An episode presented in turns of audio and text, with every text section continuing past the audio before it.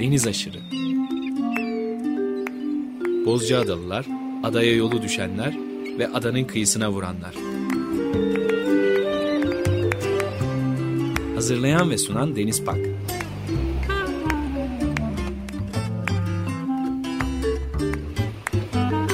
Türkiye için rüzgar enerjisi üreten Demirer Enerji'ye katkılarından dolayı teşekkür ederiz.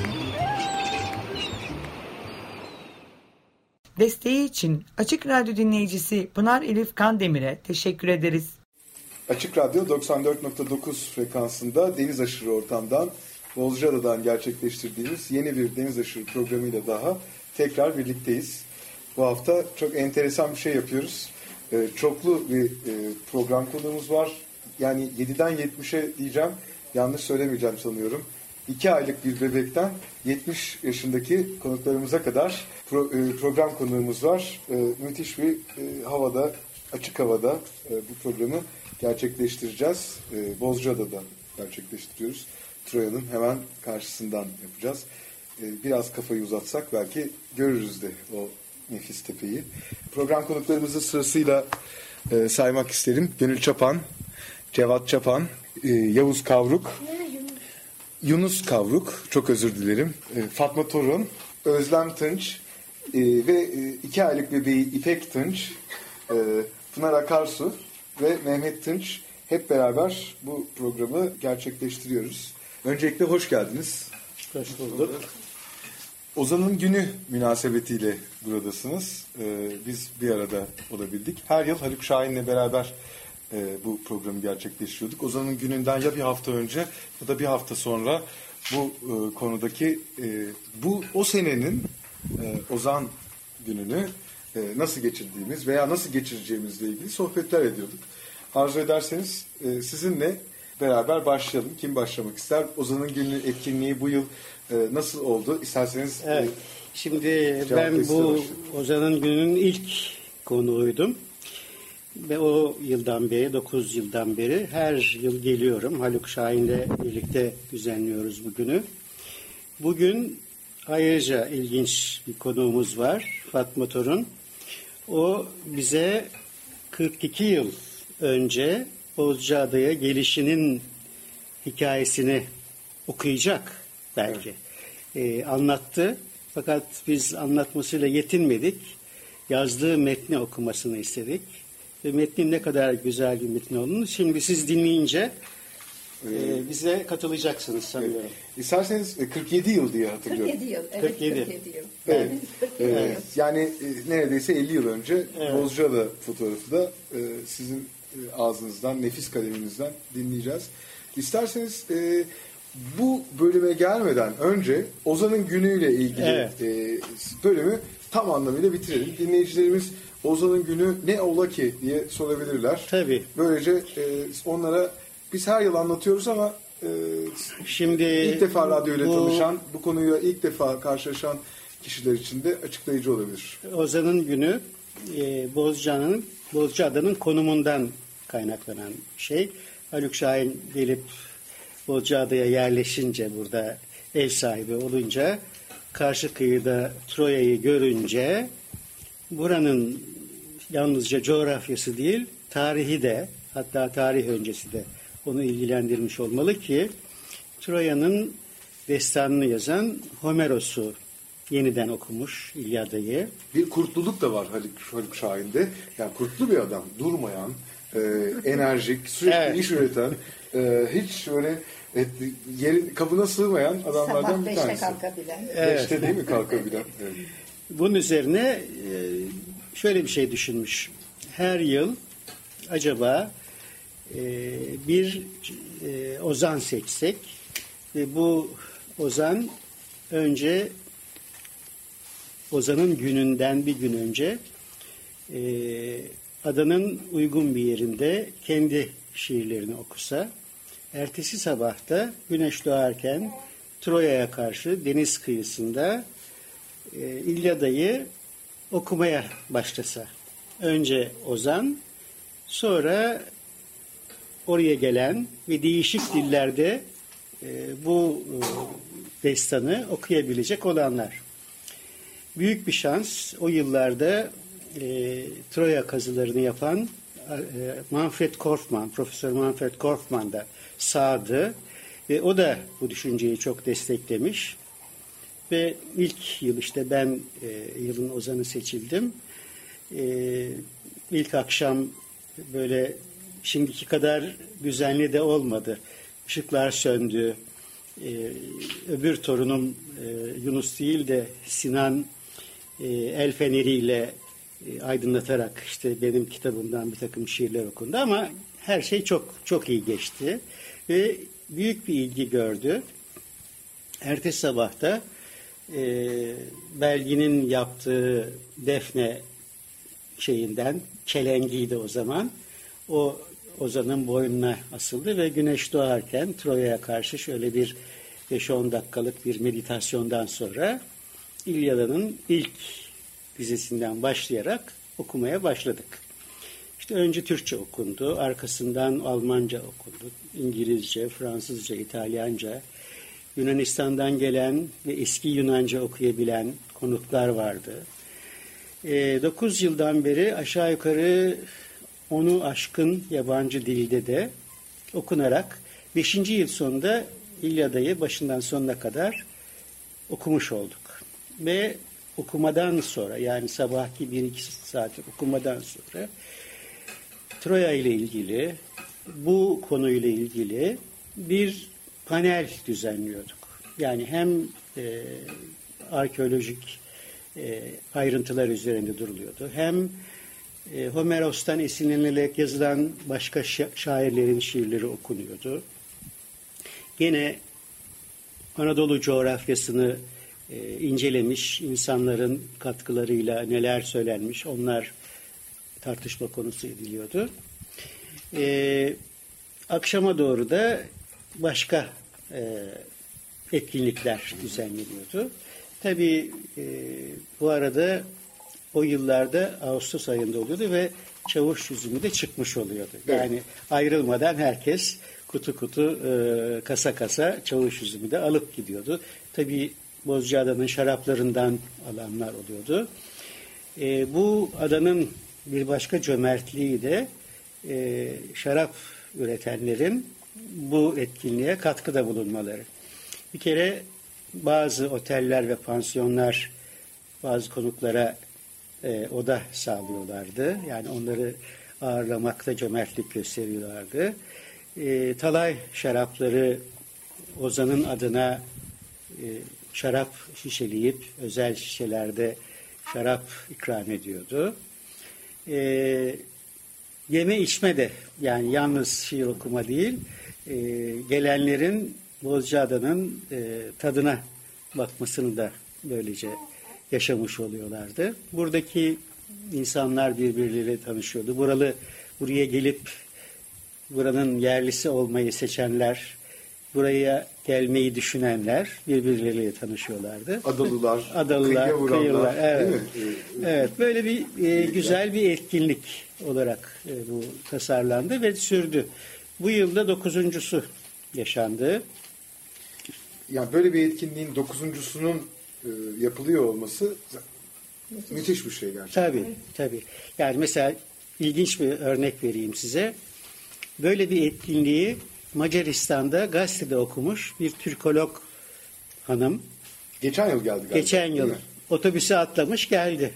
Ve Macarca Homeros okudu bize. Bu yıl tekrar geldi bir arkadaşıyla birlikte. Harika. Ee, bu yani olayın ne kadar güzel bir olay olduğunu gösteriyor. Ee, bir de tabii buraya gelince buranın güzellikleriyle tanışmak, buranın güzelliklerinden de payına düşene almak e, cabası oluyor. Sanıyorum Bozcaadalılar da e, bu işe kendi çaplarında katılıyorlar. E, örneğin birkaç yıldır lisede o yılki e, Ozan'ın şiirleri için bir okuma yarışması düzenliyorlar lise öğretmenleri ve Ozan'ın şiir okuduğu gece birinci ve ikinci olan e, arkadaşlar, öğrenciler Ozan'la birlikte yani Ozan'ın kendi şiirlerini okuduğu gece onlar da şiir okuyorlar. Bu yıl Süreyya Berfa Berfe yılın ozanıydı. Ve dün akşam onun şiirlerini okuyan iki genç öğrenci çok e, alkışlandılar. Çünkü çok güzel okudular o şiirleri. Süreyya da çok sanıyorum memnun kaldı bu o şeyden, bu sürprizden. E, onun için e, Bozcaada'daki bu e, Ozan'ın Günü etkinliği sanıyorum e, başarıya ulaşmış şeylerden biri Türkiye'de. Evet, bir Taşra Lisesi içinde müthiş bir hareket aslında. Yani Tabii. değerli kişileri, ozanları, şairleri bir arada görebilme imkanı sağlıyor çocuklar. Ee, Birçok kent lisesinde karşılaşamayacakları kadar nitelikli de bir etkinlikle karşılaşmış oluyorlar aslında. Hatta hatta e, güzel tarafı artık büyük kentlerdeki çok iyi okullarda bile test hazırlığından, dershane programlarından bu tip etkinlikleri yaşamaları çok azaldı. E, Bundan kaç sene evvel değil mi? 40 sene evvel geri gidersek Tabii. o zamanlar bizim sosyal hayatımız genç kızların ve delikanlıların değişik okullarda edebiyat günleriydi. Ve aynı masanın etrafında o zamanın önemli şairleriyle birlikte otururduk. Şiirler ve sohbetler yapılırdı. Şimdi bunlar kalktı. Yok denecek kadar. Bizim okulumuza Sait Faik gelmişti. Tabii, Düşünebiliyor tabii. musun? Tabii. Yani Sait Faik geldi trench coatuyla 300 kişilik bir e, salonda öğrenci ağırlıklı tabii. E, 7-8 başka önemli edebiyatçıyla geldi. Bir köşede oturdu. Kendi bir öyküsünü yine bizim okuldan mezun olmuş e, bir ablamız okudu. Alkışlar koptu. Ondan sonra Sait Faik usulca çıktı gitti o salondan. Evet. Evet. Yani biz bunu yaşadık. Bunları yaşadık. Ve izi kaldı değil mi? Müthiş bir iz kaldı. Belki e, e, sizin İşte böyle. gelişiminize de müthiş katkısı Olmaz olmuştur. Ama bu yarım tabii asır evvel. Ve Evet, o yarım asır evvel. Bizden sonra diskolar falan başladı ve hayat çok değişti tabii. Yok muydu sizin zamanınızda disco diye? E, Başka bir soru sormak E, isterim. e, dediğim gibi yarım asır söz konusu olunca bizim zamanımızdan biraz sonra başlamıştı. Ama o dönem gençlerin yine başka eğlenceleri vardır Ve mutlaka. Sosyal hayatımız edebiyat günleriydi. İnanın. İnanması zor. Ee, çok sık ayda en azından iki kere bazen Galatasaray ve İstanbul'u örnek veriyorum. Galatasaray Lisesi'ne bazen San Jose'de bazen Üsküdar Amerikan'da böyle e, sürekli e, bizim için bir sosyal hayattı. Vefa Evet. Lisesi'nde e, Erol Manisalı vardı. Bizim senin yanında benim yanımda.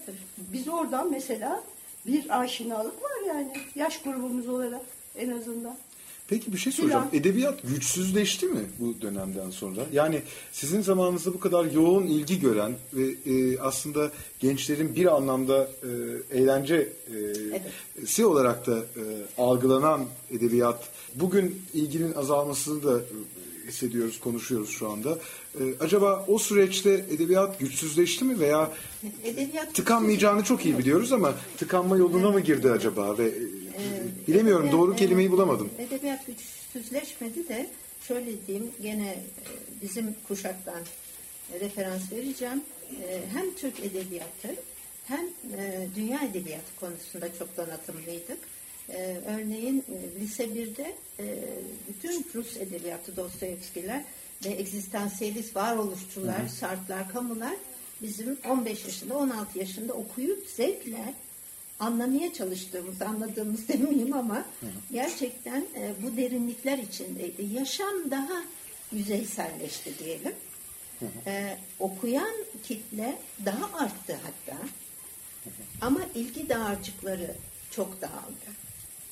Ve tabii teknik olay var. Yani o zaman internet yok. İnternetin avantajı kadar dezavantajı Tabii, yok tabii. var. İnternet yok, e, chat odaları yok vesaire bir sürü. Yani bunlar e, ilgi ve şekil İletişim olarak de edebiyatla yapılıyordu tabii. Çünkü Tabii, tabii, e, yani tabii. Çanakkale Şimdi- Bozcaada'dan e, İstanbul'a bir e, yazı yani konuşmak mümkün olmadığı için e, yazı, Yazıyor. e, mektup Telgraf. yazılıyor, telgraf değil mi? Tabii. Şimdi e, iletişimciler tabii uzmanlık alanları olduğu için bu bunun şeylerini e, kodlarını daha iyi çözüyorlar. Yani yazılı edebiyat, sözlü edebiyat, hangi göstergeler e, ulaşıyor yerine. Ama şunu basit olarak göre, görebiliriz. E, o yıllarda yani işte arkadaşların e, yetişme yıllarda, hepimizin yetişme yıllarında e, edebiyat, roman, hikaye, şiir kitapları en az 5000 basılır. Yani birinci baskı 5000'di. Şimdi şiir kitapları 500'e düştü. Bu da bir gösterge Bu da bir gösterge.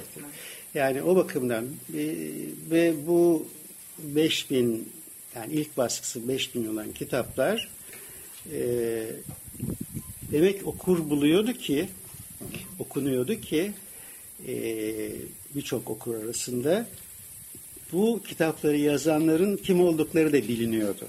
Yani bunlar böyle bilinmeyen e, meşhur yazarlar değillerdi. İşte bir Said Faik bir okula gidiyorsa heyecan yaratabiliyordu. Yani kim olduğu biliniyordu ve Said Faik aramızda diyebiliyorlardı. Yani Behçet Necatigil bir edebiyat matinesine gitmişse bir lisede o bir olay, bir heyecan yaratabiliyordu. Yani edebiyatçılar aynı zamanda bir popüler kültür ikonu olarak da karşımızda hayatın Evet. içinde yer alıyorlar. Tabii değil tabii mi? tabii tabii. Yani e, şimdi düşünün e, Orhan Veli, garip kuşağı dediğimiz Orhan Veli, Oktay Rıfat, Melih Cevdet gibi şairler ne kadar e, bilinen, e, alışılagelen edebiyatın dışında bir edebiyat yaptıkları halde o yaptıkları yenilikleri o kadar kısa bir zamanda kabul ettirebilmişler ki topluma yaşadıkları yıllarda e, bir çeşit dediğiniz gibi ikon olarak Evet. e, tanınabiliyorlardı. Yani bir birçok insan mesela e, Orhan Veli'nin işte Süleyman Efendi şiirini ezbere biliyordu ya Dalgacı Mahmut'unu ezbere biliyordu. Bilmem Melih Cevdet'in e, anı şiirini ezbere biliyordu. Oktay Rıfat'ın Yalancı Dolma şiirini ezbere biliyordu. Yani şiir ezbere bilinebilen, ezberlenebilen, tekrar edilebilen bir şeydi. Şiir e, insanın çok temel duygularından bir tanesi zaten. Şiir edebiyatı da kapsayan bir şey çünkü. Tabii yani bütün Daha tiyatroyu da kapsayan, şey. edebiyatı da kapsayan bir şey. Hatta içinde müzik de var. Müzik ben hep ayrı bir temel sanat olarak e, değerlendiririm. Bilmiyorum Pınar bir e, resim sanatçısı olarak ne düşünür bu konuda ama e, biz geçen gün bir karikatürcü arkadaşımla beraber e, senin sanat sıralaman nedir diye konuşurken biz bir sıralama yaptık. Sonra ilerleyen saatlerde şiiri unuttuk biz ilk başta. Yani çünkü e, Ama resim, heykel, sanatların müzik içinde şiir var zaten. Evet. Sonra Yani döndük öyle. ve dedik ki kapsayıcılığıyla e, Şiir. aslında şiir en üste Evet, Tabii. gelir. tabii, tabii. e, Yani mesela- düşündük. Tanımlamaya kalktığımız zaman diyoruz ki e, konuştuğumuz kelimelerle yapılan bir sanat olduğu halde konuşulan dilden ayrı olan yanı nedir? Çünkü şair hem imgeler kullanıyor yani ressam gibi çalışıyor. Kelimelerle resimler yapıyor. Hem e, bir müzisyen gibi, besteci gibi çalışıyor.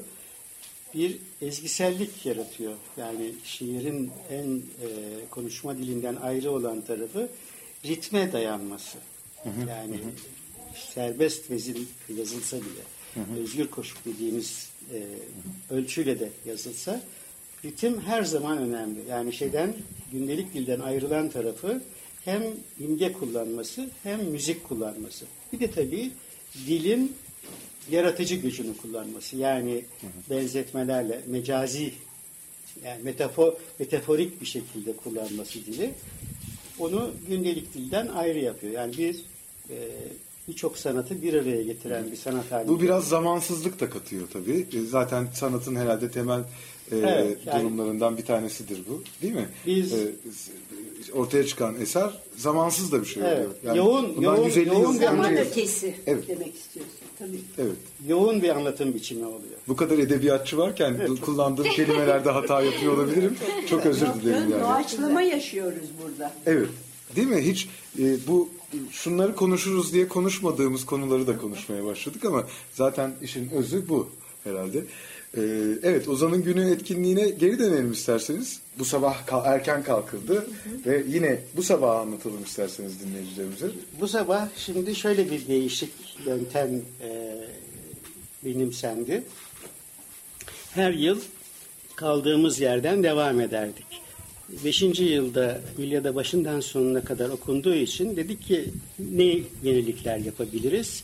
İşte bir yıl mesela Odiseya'dan da bölümler okundu. Bir yıl e, şeyden Homeros'tan esinlenen şairlerden şiirler okundu.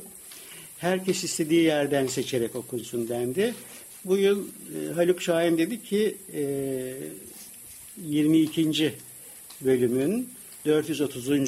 dizisinden sonra yani e, Hektor'un ölüm haberi Priamos'un sarayına geldiğinde oradaki insanlar nasıl bu acıyı yaşadılar? Oradan sonrasını anlatan bölümünü okuyalım. Ve herkes bu bölümü okusun ama değişik dillerde okunsun bu bölüm. Bu da ilginç. Değişik dillerde nasıl okuyorsunuz? Yani birisi bir bölüm e, başlıyor, okuyor, e, bitiyor. Aynı bölümü aynı yerden başlayıp bir başka dilde okuyor. Evet, bu Değil yıl bu yıl öyle. şey. Ya eskiden şeydi. E, değişik dillerde okurken kaldığımız yerden başka bir dile devam başka bir Ha, dile anladım, devam ediyor. anladım, anladım. Fakat bu yıl aynı bölüm değişik dillerde okundu. E, işte bu, bu yılın şeyi de yeniliği de bu oldu. Evet. E, sonra Rüstem Aslan'ın bir konuşması gerçekleşti. E, galiba e, Evet, şimdi kasabada. e, şeyden sonra e, Manfred Korfman'ın ölümünden sonra bir çeşit onun e, şeyi olarak e, manevi oğlu diyelim e, Rüstem Arslan'ın da bu Korkman'ın en büyük mirasıdır. Evet. İki mirasıdır vardır. Belki üç, dörttür diyemiyorum ama aklıma ilk gelen şey bu. Bir müthiş kitaplığı Çanakkale'ye e, şu anda e, kurulan müthiş Korkman Kütüphanesi. İkincisi e, Rüstem Aslan. Evet. Üçüncüsü herhalde Troya'dır. Evet. E, ve Troya ile ilişkili 4-5 olabilir herhalde. tabii çünkü kim, kimisi alıp götürmüş Şiliman gibi. Evet. Kimisi de bağışlıyor, veriyor. Şileman Ne çok götürmüş değil mi buradan? tabii fakat bu konuda de yani aynı Bu zamanda. konuda Arif Müfit Bey'in e, bir sözü vardı. E, bütün arkeoloji öğrencileri tabii çok üzülüyorlar bu yağmalara, yağmalanmasına toprak altı hazinelerinin. Arif Müfit Bey de onları şöyle avuturdu. Üzülmeyin, üzülmeyin. O kadar çok şey var ki ne kadar götürseler bize kalan yeter derdi. E, Benim de bir tesellim oldu Berlin Müzesi'ni gezdiğimde. O kadar iyi korunmuş ki. Bazen tabii bir de o daha iyi koruyanların elinde olması. Kıymet bilmek diye bir şey de var Tabii, değil mi? tabii. Ama yani Osmanlı padişahları alın efendim bizde taş, toprak o kadar çok ki diye e, hazine götürülmemesine dikkat etmişler sadece. E, oysa o mermer sütunlar asla gerçek hazine olarak değerlendirilmemiş veya tapınaklar veya eserler. Olsun. Tac Mahal. Cambridge Üniversitesi'nde bir profesörümüzün anlattığını bir ben e, şimdi dinleyicilerle paylaşmak istedim. İngilizler Hindistan'a geldiler, efendi oldular. Ne oldu? E, burası artık bizim dediler. Baktılar Tac Mahal diye bir şey var. Ya mermer bu dediler, mermer. E, tamam alalım satalım. İhaleye çıkarttılar. Kimse almadığı için o mermerleri Tac Mahal o ticareti yapamadığı için İngilizler zamanında bize kaldı. Al sana. Değil Müthiş, mi? evet. İşte bu kadar. Oluyor bu yani oluyor. Biraz tesadüflerle giden bir İşte durum da yani var gibi sanki. padişahların duyarlılığı gibi. Bors- borsa, İngilizlerin- Borsa değil mi? borsa Evet. çok önemli. Evet. Ee, yani borsa Arz talep borsa metaforunu her yerde Williams, kullanıyoruz. Raymond Mesela edebiyat anlatırken de bazen diyoruz ki falanca yazarın hisse senetleri düşük son günler. Çünkü bazen bakıyorsunuz Dostoyevski Tolstoy'dan daha önemli oluyor. Bazen Tolstoy daha önemli oluyor. Tıpkı borsada bazı hisse senetlerin düşük şey bu nereden baktığınızla, ne aradığınızla falan Ne zaman? Ne zaman? Zaman değil mi? Tarih içindeki zaman. Öyle öyle e, uzmanlar çıkıyor ki değerlendirme değerler birden bir değişiyor. Mesela bu Şiliman'ın işte Troya'da Şiliman diye bir adam çıkıyor. Tamamıyla Yunan bakış açısından değerlendiriyor bunu. Zaten bir Yunanlı kadınla evlenmesi e, böyle bir ön yargının temelini oluşturuyor. Ama birden Korfman diye bir adam çıkıyor ve bunun ne kadar yanlış olduğunu. Kazmayı doğudan vuruyor değil mi? Bambaşka. Ve Birdenbire şey değişiyor. Yani e, gerçek ortaya çıkmaya başlıyor. Yani gerçeğin ortaya çıkması, gerçeğin bulunması birdenbire olan bir şey değil anlaşılan. Orada bulunan, Troya'da bulunan ilk yazılı belgenin Vilusa mührü olması da çok heyecan verici bir şey. Aslında e, belki bir ka- kayıp Hitit şehrinin orasıyla e, o e, özdeşleşmiş olması da bahis konusu. İlk yazılı belgenin bulunan Vilusa mührü olması da çok enteresan. Evet. Değil mi? Yani Evet, evet. e, Troya çok ilginç bir yer gerçekten ve bugüne sirayeti de önemli. Bugün de nefis dünya kültür mirası e, yer bölgelerinden bir tanesi. Belki burada yapılan Ozan'ın Güney etkinliğini e, ilerleyen yıllarda mesela 10. yıl için özel olarak önümüzdeki sene Troya ile beraber düşünmek de mümkün olabilir. Tabii. Güzel bir fikir. Düşünüyor musunuz bunu? Valla bir e, Ozan'ın günü şeyinde e, buradan karşıya geçildi. Otobüste Troya'ya gidildi. Rüstem gene orada özel bir yani buradaki panel yerine orada bir e, açıklamalı e, bir gezi oldu. Sonra tekrar dönüldü şeye Bozcaada'ya. Yani bir çeşit bunun provası yapıldı. Belki gelecek yıl daha e, ayrıntılı, daha kapsamlı bir şey yapılabilir. Evet. e, bugün e, Rüstem'in konuşmasından sonra, bugünkü etkinliğe tekrar geri dönecek olursak, Rüstem'in konuşmasından sonra, e, öğleden sonra, yani bundan e, birkaç saat sonra e, Mutlu Torun'un bir konserini izleyeceğiz Evet. sanıyorum. Nerede izleyeceğiz? E, Talay Şarap Şarap Fabrikası. Fabrikası'nda. Geçen yıl başladı bu e, müzik etkinliği.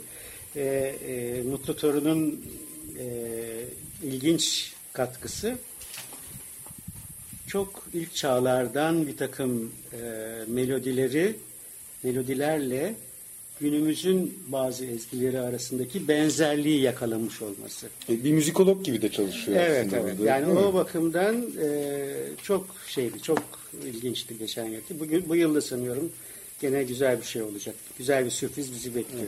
E, Ut hep mızrapla çalınır diye bilirdim. E, ilk kez Mutlu Bey'in ellerine dikkat ederken konserde e, parmakla çaldığını e, gördüm. Gitarist olduğu için Gitarist ayrıca- olduğunu sonra kendisiyle özel sohbetlerimizde söyledi. Çok enteresan bir tekniği var. Yani finger picking diyorlar gitarda. Bu teknikle parmaklarla aynı e, gitar disipliniyle çalıyor. Tuşesi de bir ilginç. Evet. Tuşede de sol elde de enstrüman çalışı e, bir klasik gitarcı gibi e, oluyor ve aslında uttan son derece de primitif e, değil mi? O- Evet, o evet, evet. eski sesleri de dinliyoruz bir yandan. Çok enteresan. Sen dinlemiş miydin Mutlu Torun'u Mehmet? Yok hayır. Dinlemek fırsatım olmadı. Programın sonunda Mutlu Bey'den bir müzik dinleriz o zaman. Enteresan soyadı torun biliyorsunuz. Evet, siz- ben de size bir akrabalığınız var mı diye sordum. Bugün torunlar günü gibi. Hayır akrabalığımız yok. Çok merakla ben de dinlemeyi bekliyorum. Ha, Özlem'in de soyadı Torun. Evet. E, yani evlenmeden önce Evet, e, Ben evlenmeden önce Ramazanoğlu'ydum. Sonra uzun yıllar torun olarak meslek ismim oldu. Şimdi soyadım Reed. Dolayısıyla Fatma Ramazanoğlu, torun Reed hepsini sı- sıralayacak olursam İspanyol asilzadeleri evet. biraz karışık oluyor. Fatma torun diyelim. Evet, Evet. En rahat o. Evet. Sonra e, Mutlu konserinden sonra e, saat e, kaçta e, Habbele'de e, plajda bir ateş yanıyor. Bir ayin gibi. Sekiz bir buçukta, evet. Sekiz buçukta mı Sekiz başlıyor? buçukta, evet. Hay Allah. Dünya Kupası finaliyle de denk geliyormuş. E, o da e, bir başka e, sıkıntı. E, sonra e, gecenin ilerleyen saatlerine kadar devam eden bir Evet. etkinlik sürüyor. maç 9.30'da başlıyor. Evet. Evet ama bu etkinlikte 8.30'da başlıyor. Ve Ben, 9.30'da bitiyor galiba. O zaman biz seninle maç seyrederiz. Ee, sonra maç bittikten sonra gideriz oraya. Gece geç vakit olacak bu durumda. Ee, Umarız maç uzamaz diye bir de böyle bir e, Dünya Kupası da bu sohbetin içinde yerini e, almış oluyor böylece. Ya gerçekten müthiş ve yarın bitiyor herhalde Evet. etkinlik. Yani bu gece bitiyor. gece Evet. Ateş dansıyla. Ateş dansıyla bitiyor. Ateş etkinliği de nefis oluyor. Zeynep Oral'ın iki yıl önce katıldığı zamanı bir anda hatırladım. Evet. Ee, Harika Ben hikayeler itiraf edeyim hiç katılmadım ateş dansına. Evet Fatma Hanım isterseniz sizin de biraz hikayenize bakalım. 47 yıl önce Bozcaada'ya 47, geldiniz. Evet 47 yıl önce. Ve 47 yıl sonra bugün mü geldiniz? Bugün evet bugün de hakikaten tarihi bir ziyaret bu benim için. Ee, yakın dostlarım, arkadaşlarım Cevat Çapan, Gönül Çapan kaç senedir bahsederler bu özel etkinliği. Ve aksi gibi aynı tarihte Prag'da bir meslek kongresine davetliydim. Hayat seçim meselesi biliyorsunuz ve ikisi de birbirinden daha cazip şeyler, etkinlikler. Ama çok memnunum ki bugün buradayım. Ee, çok özel bir şey yaşadım. Sabahleyin e, beşte ben de kalktım. Güneşin doğuşunu kalenin oralardan seyredip o dalgalar kayalara buldukça Homeros'u anmamak imkansız. Bugün Poyraz da güçlüydü. Çok güzel bir etkinlikte. Gerçekten öyle. Katıldığıma çok memnunum. 47 yıl önce nasıl bir münasebetle gelmiştiniz adaya? İki arkadaş Çiçeği Burnu'nda öğretmenlik Üsküdar Amerikan Lisesi'nde ve e, Amerikalı edebiyat hocası arka- arkadaşım. Ben de psikoloji felsefe hocalığı yapıyorum ilk sene. E, buraya geldik. E, ve tabii o zaman e, gemi yok. E, bir tek e, yakar kaptanın teknesi var. Şarap taşıyan ve yolcu taşıyan. Öyle bir serüveni yaşadık ve buranın müthiş bir ev sahipliğini yaşadık. Yine Kaptan Yakar'ın ailesi evlerinde bizi misafir ettiler. Belki Yakar Kaptan'ın ilk yıllarıydı bu bahsettiğiniz zamanlar. Olabilir yani. Çünkü o da yaklaşık 50 yıl yaptı bu işi. evet. 40-50 yıl arası. Olabilir. Ee, 85'te bıraktığına göre Biz 63 falan buradayız. ortalarında gelmişsiniz. Tecrübeli kaptanken buraya Evet, gelmişsiniz. Evet, 60, 62 veya 63. 40'larda başlıyor 63 galiba. olması 45-50 Evet, belki. evet, evet. Evet. Ve düşünün onca sene buraya gelmemişim. Yıl 2010. Hakikaten Peki bir daha tarihimizi- gelmeyeyim ben buraya diye gelmediniz mi Tam yoksa tersi. fırsat mı gel Fırsat olmadı? bulmadım. Evet. Yurt dışındaydım. E, meslek şeylerim, çalışmalarım, ailevi şeyler, çocuk büyütme falan filan derken bugüne kısmet. 47 yıl önce ne kadar kalmıştınız adada? E, burada iki gün kalmıştık. Ya İki iki gün. üç gün. İki gün. E, pe- Dışarıları gezmiş miydiniz? Yani Bütün yoksa adayı, evet adaya baktık. Tabii gezdik fakat yani bu ada o da ada gibi değil tabii. tabii. Yani mü- müthiş bir e, değişim ve gelişim. Biliyorsunuz her değişim gelişim getirmiyor. Ama her gelişimde bir değişim var. Ben, ben burada e, gelişim ve değişim gördüm. E, çok hoş. Çok hoş olmuş ve insanların burada yaşayanların sıcak karşılaması devam ediyor. Siz buna bir örnek. Teşekkürler. Çok hoş. Evet. Havanın güzelliği. E, Yani çok çok özel bir yer. Kıymet bilen bir kitle var burada. Adorno'nun kitlesi pek yok. Adorno demiş ya 20. yüzyıl insanı her şeyin fiyatını bilip hiçbir şeyin kıymetini bilmeyen kitledir diye. Biz burada e, adada Evet, tabii o- bu adamlar yok. Yani birçok ülke için doğru tabii. Yani birçok toplum için doğru. Doğru. Karşı kıyıda da böyle. E, 20. yüzyıl insanı için herhalde en doğru tanım. Fakat bir şey- ekonomi hakimiyeti. İşte böyle şeyler var. Ee, Türkiye'de küçük e, kurtarılmış bölgeler gibi yerler var. Bozcaada da şanslı o bakımdan. Evet. Biraz ada oluşu, zor Evet. ulaşılabilir Evet, hali evet, evet. falan değil mi? Yaşam koşullarının zorluğu Evet. herhalde buna şey yapıyor, çanak tutuyor. Ve şey çok hoşuma gitti mesela e, müze. E, ne kadar güzel e, bir çalışma, araştırma neticesinde. O da bireysel bir çaba. Hakan Çok güzel. Gürüney'in Evet, e, Hakan burada kendi dinleyicilerimiz son derece yakından tanırlar. Hakan'la zaman zaman otururuz ve burada ne- neler yaptığını, bu koleksiyonu nasıl oluşturduğunu, ne yapmak istediğini, nereye vardıracağını öyle aynı sohbetleri onunla da yapıyoruz. Tamamen sigortası atmış bir adam fotoğrafı görüyoruz. Yani e, Hakan da böyle e, klasifikasyon dışı bir insan Evet. görüntüsünde. Bütün e, varlığını, bütün benliğini bu koleksiyona adamış. İflah olmaz bir koleksiyoncu. Çok çok değerli, çok Haluk abinin dediği bir şeyi unutmuyorum. E, Ada artık üzerine çok düşünülen, yazılan, çizilen ve üzerinde çalışılan bir yer. E, Bu e, nefis bir şey. Her yere de kısmet olmayan e, bir şey. 47 yıl öncesinin adasını biraz anlatır mısınız bize? Şimdi kı- e, 47 yıl önceki ada deyince e, tabii şaraplar gene var. Şarap kültürü. Lezzeti hatırlıyor musunuz Ee, o tarihte? E, Valla bilmiyorum belki şarap içmiyordum. Kına gecesinde de leblebi yedik. Ha bir tekneyle Çay o tekneyle verdiler. klasiktir. Evet ama emin değilim şarap içip içmediğimiz ama şarabın önemi vardı bu adada. Onu biliyorum. Onu çok iyi biliyorum. Ee, tekne şarap tek teknesiydi zaten. Yani Bozcaada deyince kokularıyla, adımlarıyla şarap geliyor. Ee, ben şundan endişelendim. Döndüğümde 47 yıl sonra acaba burası fazla turistik olmuş mudur? Özelliğini, otentik yönünü kaybetmiş midir diye. Hayır. Öyle bilmiyorum Cevat siz ne İyi düşünüyorsunuz? gün e, onu konuştuk. Çıklı'da konuştuk. Evet. Aha, Yani çok hoş, korunmuş. evet. Bugün bir yol ayrımında aslında bir yandan da Ee, bakıldığında. Haluk'un bugünkü yazısında e, evet.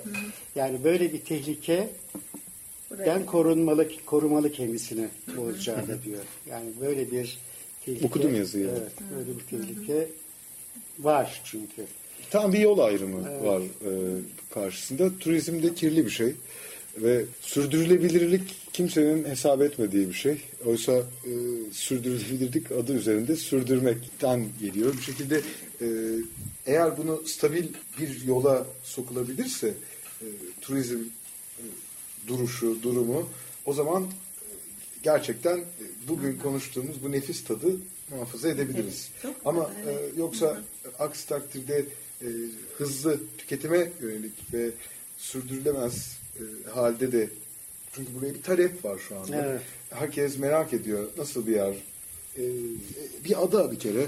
Gelip görelim, tüketelim deyip tatil satın alıp o tatili de bitirip e, evlerine dönüyorlar ve aynı İstanbul'da bir alışveriş merkezinde e, bir dükkandan satın aldıkları bir giysi veya bir bardak veya bir başka tüketim malzemesiyle e, aynı tadı da alabilirler bir yandan. Bir yandan üzerlerinde iz bırakacak bir tadı da alabilirler. Sürdürülebilirlik herhalde iz bırakmanın e, ibresiyle yani o göstergeyle ölçülebilir bir şey. Şeyin e, halkın ve e, yerleşmiş halkın ve yerel e, idarenin işbirliği burada çok önemli. Standartların korunması açısından size bir örne- örnek vermek isterim. 5 yani 11-12 yıl yurt dışında yaşadığım sürede 5 yılını New York'un bir banyosunda geçirdim. E, bir e, millik e, kare alanda bir yerleşim bölgesi. Çok özel bir bölge. E, ilk beni etkileyen şeylerden biri e, bir kuru temizleme cinin vitrinine koyacağı ilan belli bir e, ölçüyü geçmemesi gerekiyor. Bu avukatlara Bakın. e, tanınan ilan hakkı gibi bir şey değil mi? Evet. Böyle olarak şeyi apartman kaplayamıyor istiyorlar. hukukçular bir e, şey yapıyor. Ve neon ışıklarıyla ilan yasak orada. Yalnız bir tek restoranda var çünkü o da 1934'te koymuş onu bu e, şey geçmeden evvel Yasa. yasa geçmeden evvel. Müktesep Bir hakkını elde edip. Şimdi de oraya gittiğiniz Evet. vakit kutu gibi pırıl pırıl, otentik yönünü hiç kaybetmemiş bir yerleşim bölgesi görüyorsunuz. Ama bütün bunlar standartların tespit edilmesi, korunması, legalize olmasıyla mümkün. Ve halkın sahip çıkması. Bir estetik bilinciyle de alakalı Tabii, tabii. Çok önemli. İşte bahsettiğiniz lise yıllarında e, niye okuyordunuz? Bu estetik bilinci aslında bir yandan da Tabii. e, otursun diye. Yani işte değer bilirlik hikayesi. Yani o değerleri Koruyabilmek. koruyabilmek çok önemli. Yani. Mesela Park Otel diye bir yeri ne hale getirdik. Değil mi? ya evet. Tokatlayan diye bir yer vardı İstiklal Caddesi'nde. Önünden saygıyla geçilmesi gereken bir yerdi. Şimdi bir şey haline geldi. İşte bu sonra bu alışveriş merkezi denen rezalet de bir şey yani. Ee, her her yeri alışveriş merkezine dönüştürme tutkusu korkunç bir şey yani. O yüzden mesela Atatürk Kültür Merkezi battal halde. Çünkü belli ki alttan alta orayı bir alışveriş merkezi yapmak istiyorlar. Evet, oysa İstinye Park ihya olmuş durumda. Ee, Değil mi? Tam e, böyle e, çok enteresan ya. İfratla tefrit mi diyorlar? Evet. e, bu duruma. E, evet size tekrar geri Evet. dönelim. E, isterseniz o yıllarda bir yazı yazmışsınız. Evet. Bizimle paylaşırsanız çok seviniriz ya. 47 yıl önce yazdıklarınızı o kadar merak ediyoruz ki bir taraftan da değil mi? Etkilenip. Pınar gerçek bir Bozcaadalı. Ee, Öyle mi? Pınar Akarsu. Ee, ve bizim çocukluk arkadaşımız ve e, burada o da belki bir şeyler söyler sizin. Ben çok merak ediyorum yani yazdıklarınız 47 yıl önce değil mi? O günlerde mi yazdınız yoksa Evet döndükten evet sonra hemen mı? hemen döndüm. Adada yazdınız ya, yani. Ada geri dönüş yolunda. Öyle söyleyeyim. Harika ya. Valla paylaşırsanız çok seviniriz. 17 yaşına kadar filan şiirle çok haşır neşirdim. Çok yazdım. Bazı yazdıklarım varlık yayınlarında o zaman çıktı. Tenedos'u gördükten sonra Bozcaada'yı buradan etkilenip bir küçük öykü yazma hevesine kapılmışım. Fakat herhalde e, bitmemiş bir olay ki varlık yayınlarına yollayacağım halde yollamamış. Orada kalmış. Ama bugün edebi değerinden ziyade tarihi e, esprisi açısından tabii sizlerle paylaşmak isterim. Ben üstadımızın yanında bir şey söyleyemem herhalde ama Üstadınızın e, yanında okuyorum bir de üstelik. e, müthiş bir edebi dil gördüğümü de söylemek zorundayım yani. Tabii ki 50 sene öncesi neredeyse Türkçe ile yazılmış o da. Hiçbir Onun da- yok. Yok mu da? Yok, yok, hiç. Okuyayım mı? Lütfen. Evet. Tenedos'ta bir adam. Truva şimdi 40-50 kilometre geride. Arkadaşımla ilk kez Truva'ya gitmiştik. O Bozcaada içinde çok güzel bir espri. Yani çevresel olayı da çok zengin Bozcaada'nın. Evet. Truva şimdi 40-50 kilometre geride. 3-5 ufak köyden geçiyoruz. Kiminde çoluk çocuk meydana toplanıp el sallıyor. Kimi taksiye hayran, kimi taksinin içindekilere şüpheli, hayret dolu bakışlar fırlatıp yanındakini dürtüyor. Bir keresinde yol sormak için duruyoruz. Ölü mü ölü köy. Şoför klaksona basıyor peş peşe. Bir küme tavuk irkiliyor. Bir but aşağı, bir but yukarı koşuyorlar ötelere. Nihayet orta yaşlı kırçıl sakallı bir adam tahta bir kapının ardından yerden bitercesine gözüküyor. Merhaba diyoruz. Merhaba diyor.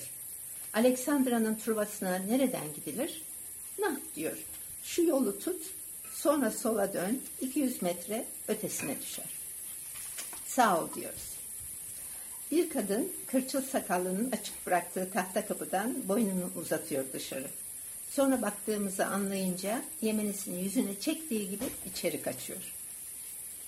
Aleksandra'nın Truvası'nda tarih ağlıyor. Hala da böyle. Bu Maalesef. arada. Öyle mi? Maalesef. Az ileride Odunluk iskelesine iniyoruz. Bir köy hocası var, gözleri kıpışık. Çay içiyoruz karşılıklı. Alexandra'nın hikayesini soruyoruz. Pek bilmiyor. Kimse bilmezmiş zaten. Bir İtalyan varmış. Her yaz gelir bir şeyler yazar gidermiş o kadar. Koca koca mezarlar varmış Alexandra'nın Truvası'nda. İçlerinde yakınlarında ufak tefek heykeller, yüzük taşları bulmuşlarmış. Hala da bulurlarmış. Dağıtırlarmış oraya buraya. 10-15 liraya. Bir keresinde bir iskelet kafasında zümrüt taşlı altın bir taç bulmuşlar. Bulanlar kırıvermişler kuru kafayı. Altını 10 parça, zümrütü 5-10 taş satıvermişler. Kahveciye bir çay daha diyoruz. Dışarıda çardak kurmuş kahveci. İçeride bir soba, dizi dizi fincanlar. Bir balıkçı tüm hızıyla elindeki ağı örüyor. Köpek balıkları diyor. Delik deşik ettiler. Buralarda köpek balıkları mı olurmuş o zaman? Ee, köpek balığı Ege'de daima olan bir Bilmiyordum. balık. Şu anda da Ee, var şu anda da uzaklarda Marmara Denizi'nde de var. A- Ege Burada da Akdeniz'in en dibi açık bir deniz Ege. Ee, Adriyatik'te de var. Burada da Bütün var tabii tabii. Akdeniz'de Vay canına diyoruz. Biz kızılığımızda böyle mekik tutamayız. Nasıl da örüyorlar. Bir alt, bir üst, bir yan düğüm. Tütün kokan bardaklarda çayımız yarı. O zaman çok daha fazla herhalde sigara içiliyordu. Kahveci ne işte diyor motorunuz geldi. Kaptanın bir dişi yok önde. Bol paçalı bir çul giymiş. Başında yün beresi. Aman Allah'ım bundan güzel kaptan olur mu? Hakikaten öyle. Halil Kaptan, Halil Yakar. Herhalde değil mi? Evet. Verin diyor, verin yükünüzü koyayım. Yerleşiyoruz motora. Bir otobüs boşalıyor. Geyikli'den, Çanakkale'den gelme. Köylüsü, kasabalısı doluyor motora. Karşımızda iki genç kadın. Sünnet düğünü var adada diyorlar. Oraya gidiyoruz. Sonra hediyelerini gösteriyorlar bize. Motorun içi kızgın şarap kokuyor. Dayanamıyorum, dışarı zor atıyorum kendimi. Dalgalar sağdan soldan çarpıyor. Korkuyorum. Gelip gene içeri oturuyorum. İçim eziliyor şarap kokusundan. Gözüm karşı kenarda oturan adama takılıyor. Çekemiyorum gözlerimi adamdan. Sarı denizli 30-35'inde mavi gözleri elmacık kemiklerine virgül adamın. Sağ kolu dirseğinin hemen altında bitmiş. Öylesine temiz, öylesine içli ki bakışları daha fazla dayanamayıp soruyorum. Geçmiş olsun ne oldu? Şarap makinesine kaptırdım diyor. Yeni mi? Eh diyor. Bir iki ay oldu. İlkin çabuk taburcu ettiler hastaneden. İltihap topladı. Gittim bir kere daha. Şimdi bu ikinci. Ama buna da şükür. Adada iki gün konukluk ediyoruz. Kaptanın kardeşinin evinde. Sünnet çocuklarını görüyoruz. Evlerini. Kına gecesinde simit ekmeği, tuzlu beyaz peynir, leblebi yiyoruz. Gene gelin diyorlar. Asıl yazın gelin. Doyum olmaz Bozcaada'nın adanın yazına. Ee, Kasım ayında gitmişiz. Hı hı. Çok da doğru bir zamanda gelmişsiniz. Evet, bence. Yani güzeldi öyle hatırlıyorum. Mavi gözlü adamı soruyorum ev sahibine. Ya zavallı diyor. İki de çocuğu var. Karısı bırakıp kaçtı bir ay öncesi. Peki diyorum sigortası falan var mı? Yok ne gezer diyor ev sahibi. Bundan böyle şarap fabrikasında çalışamazdı. Sağ kol olmasaydı belki. Apollo'nun Tenedos'una sabah 7.30 el sallıyoruz. İki gün sonra İstanbul bizi bekler duruyor. Sirkeci Hong Kong, Marmara Atlantik. Aman diyoruz İstanbul dünya. Hakikaten o sıralarda Sirkeci Hong Kong gibi kalabalıktı. Gene öyle mi Cevat? Daha Bence fazla. Daha mı fazla? Herhalde daha fazla. Gece gündüz insan yoğunluğunun da en az olduğu yerlerden bir tanesi dünyada. Yani Tiananmen meydanıymış e, bu yoğunluk. Gündüz işte e, 20-30 milyon kişi, gece 5-10 kişi e, gibi böyle tam Evet. müthiş uçlarda. Sirkeci'de de e, bir önceki seçimde böyle bir haber okumuştum. 15 kişi kalıyormuş sadece. Bütün? Sirkeci'de. Ama E, gündüz gece kalabalık. ve, e, gündüz inanılmaz bir Kalabalık. yoğunluk. O 15 kişi de çalışanlar, e, işte ham bekçileri falan. Ve şöyle bitiyor. Anılarım ne zaman Truva'nın duvarlarını, mabedini, erzak çanaklarını getirse yanı başıma, odunluktaki balıkçının mekik doku, dokur ellerini, Tenedos'un 20 yıllık şarabını, sakız gibi tahtalarını evlerinin, o adamı görüyorum hepsinde. Sağ kolu her defasında biraz daha kısa, biraz daha. Bir hastanenin kapısında duruyor, mavi gözleri elmacık kemiklerinden iyi. Doktor diyor, gene çok sızlıyor. Hmm, iltihap topladık demek. Hemşire hanım ameliyat masasını hazırla. 3-4 santim daha kesmek lazım. Sarı benizli adam tertemiz bakıyor. Gözleri öylesine iyi, öylesine yorgun, öylesine sevgi dolu ki. Bu gözler diyorum, bu gözler İsa'nın gözleri. Çarmıha gerildiğinde mutlak böyle bakmıştı insanoğluna. Sizi affettim diyordu. Sizin uğrunuza ölüyorum. Sizin günahlarınız bağışlansın diye. Bu adam İsa'ydı. Bu adam Beşik'te hiç habersiz, hiç günahsız göçüp giden bakımsız köy bebeğiydi. Bu adam ah bakmasa böyle. Artık sağ kolunu hiç göremiyorum. Yavaş yavaş vücudu bölünüyor. Makas, pens, beyaz örtüler altında. Bir mavi gözleri kalıyor adamın. Koşuyorum, tutuyorum gözlerini, öpüyorum, öpüyorum. Ne olur diyorum, bakma böyle. Küfret, kız, öldüresiye kız. Ne üzümün, ne karının, ne doktorun hakkıydı seni bu hale koymak. Başını bir yana büküp kadermiş deme, affediyorum deme. Öylesine utanç doluyum ki ağlayamıyorum. 17 Kasım 1963. Müthiş ya. Müthiş valla. Elinize ağzınıza sağlık. 63 yılının bir fotoğrafını da radyoda fotoğraf e, hadisesini de böylece gerçekleştirmiş olduk e, sayenizde 1963 yılında değil mi? bir fotoğrafı dinleyicilerimizle paylaşabilme imkanı bulduk. Teşekkür E, ederim. çok teşekkürler. Hakikaten o zamanı da sayenizde bir parça hissetmiş olduk. O adamın kolu galiba şarap makinesinde. Makinesine, evet. Ama- Preste sanıyorum. Evet, evet ve ciddi anlamda yani diz, e, dirsek şeyinin üstündeydi. İkinci ameliyatla daha da kısalmış yani. Ne hikayeler var dünyada, nasıl dünyalar var değil mi? Yani, e, Evet, bambaşka. Ama hakikaten hala bakın 47 sene geçmiş hala o adamın yüzü ve bakışı aynı tazelikte dünmüş gibi e, hafızamdır. Kimdi acaba? E, o sünnet düğünü kimin düğünüydü acaba? Onlar yakarların da tahmin Yakarlarındı. ediyorum. Evet ve muhteşemdi. Muhteşem bir Evet. kına gecesiydi. Ve muhteşem bir ev sahipliğiydi. Ertesi sabah hatta kalktığımızda gerçekten sofrada bir e, kuş sütü eksikti. Öylesine bir ev sahipliği gördük. İnşallah bu duygular, bu hassasiyet, bu ev sahipliği de Bozcaada'da geleneklerimizle birlikte devam eder. Çünkü en çok onları Her şey yok oluyor gerçekten. E, bugün Ozan'ın gününün dokuzuncusu gerçekleşti. Bu münasebetle hep beraber bir araya geldik. Vedalaşmaların ilmini yaptım ben diye bir dize var biliyor musunuz? Hayır. gelecek gelecek güne yakalım. Evet, 9. Ozan'ın Günü etkinliğinin e, bittiği anlarda bu e, programı gerçekleştirdik. Bugün çoklu e, bir program e, konuklarımız vardı. Çok da kötü bir cümleyle programı, programın sonunda Çok sesli program. çok sesli bir e, programdı. Daha evet, e, doğru bir cümle oldu. Hep beraber bu e, bir saat böyle keyifli e, bir sohbet yaptık. Umarız dinleyicilerimiz de aynı keyfi almışlardır. Hepinize çok çok teşekkür ediyorum. E, sohbetinizi esirgemediniz. Biz de sana teşekkür ediyoruz. Deniz bizi hem denizle hem denizlerle bir araya getirdiğin için. Evet. Önümüzdeki yıllarda, önümüzdeki zaman diliminde inşallah tekrar bir arada olabiliriz ve yine bu keyifli sohbetleri beraber gerçekleştirebiliriz. Ve 47 senede daha beklemeyeceğim. Evet lütfen beklemeyelim. Evet. Lütfen beklemeyin. Evet tek tek e, program konuklarımızı e, isimlerini de söyleyelim. Radyolarını e, sohbetin ortasında açan veya yeni açan dinleyicilerimiz için. E, Mehmet Tınç, Pınar Akarsu, Gönül Çapan, e, Yunus Kavruk, e, Cevat Çapan ve Fatma Torun.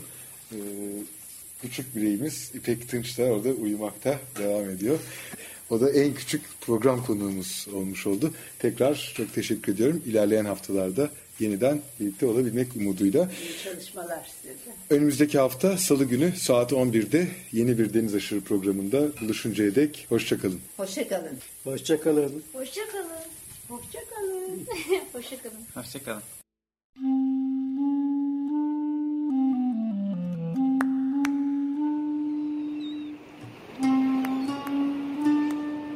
Deniz aşırı. Bozcaadalılar, adaya yolu düşenler ve adanın kıyısına vuranlar. Hazırlayan ve sunan Deniz Pak.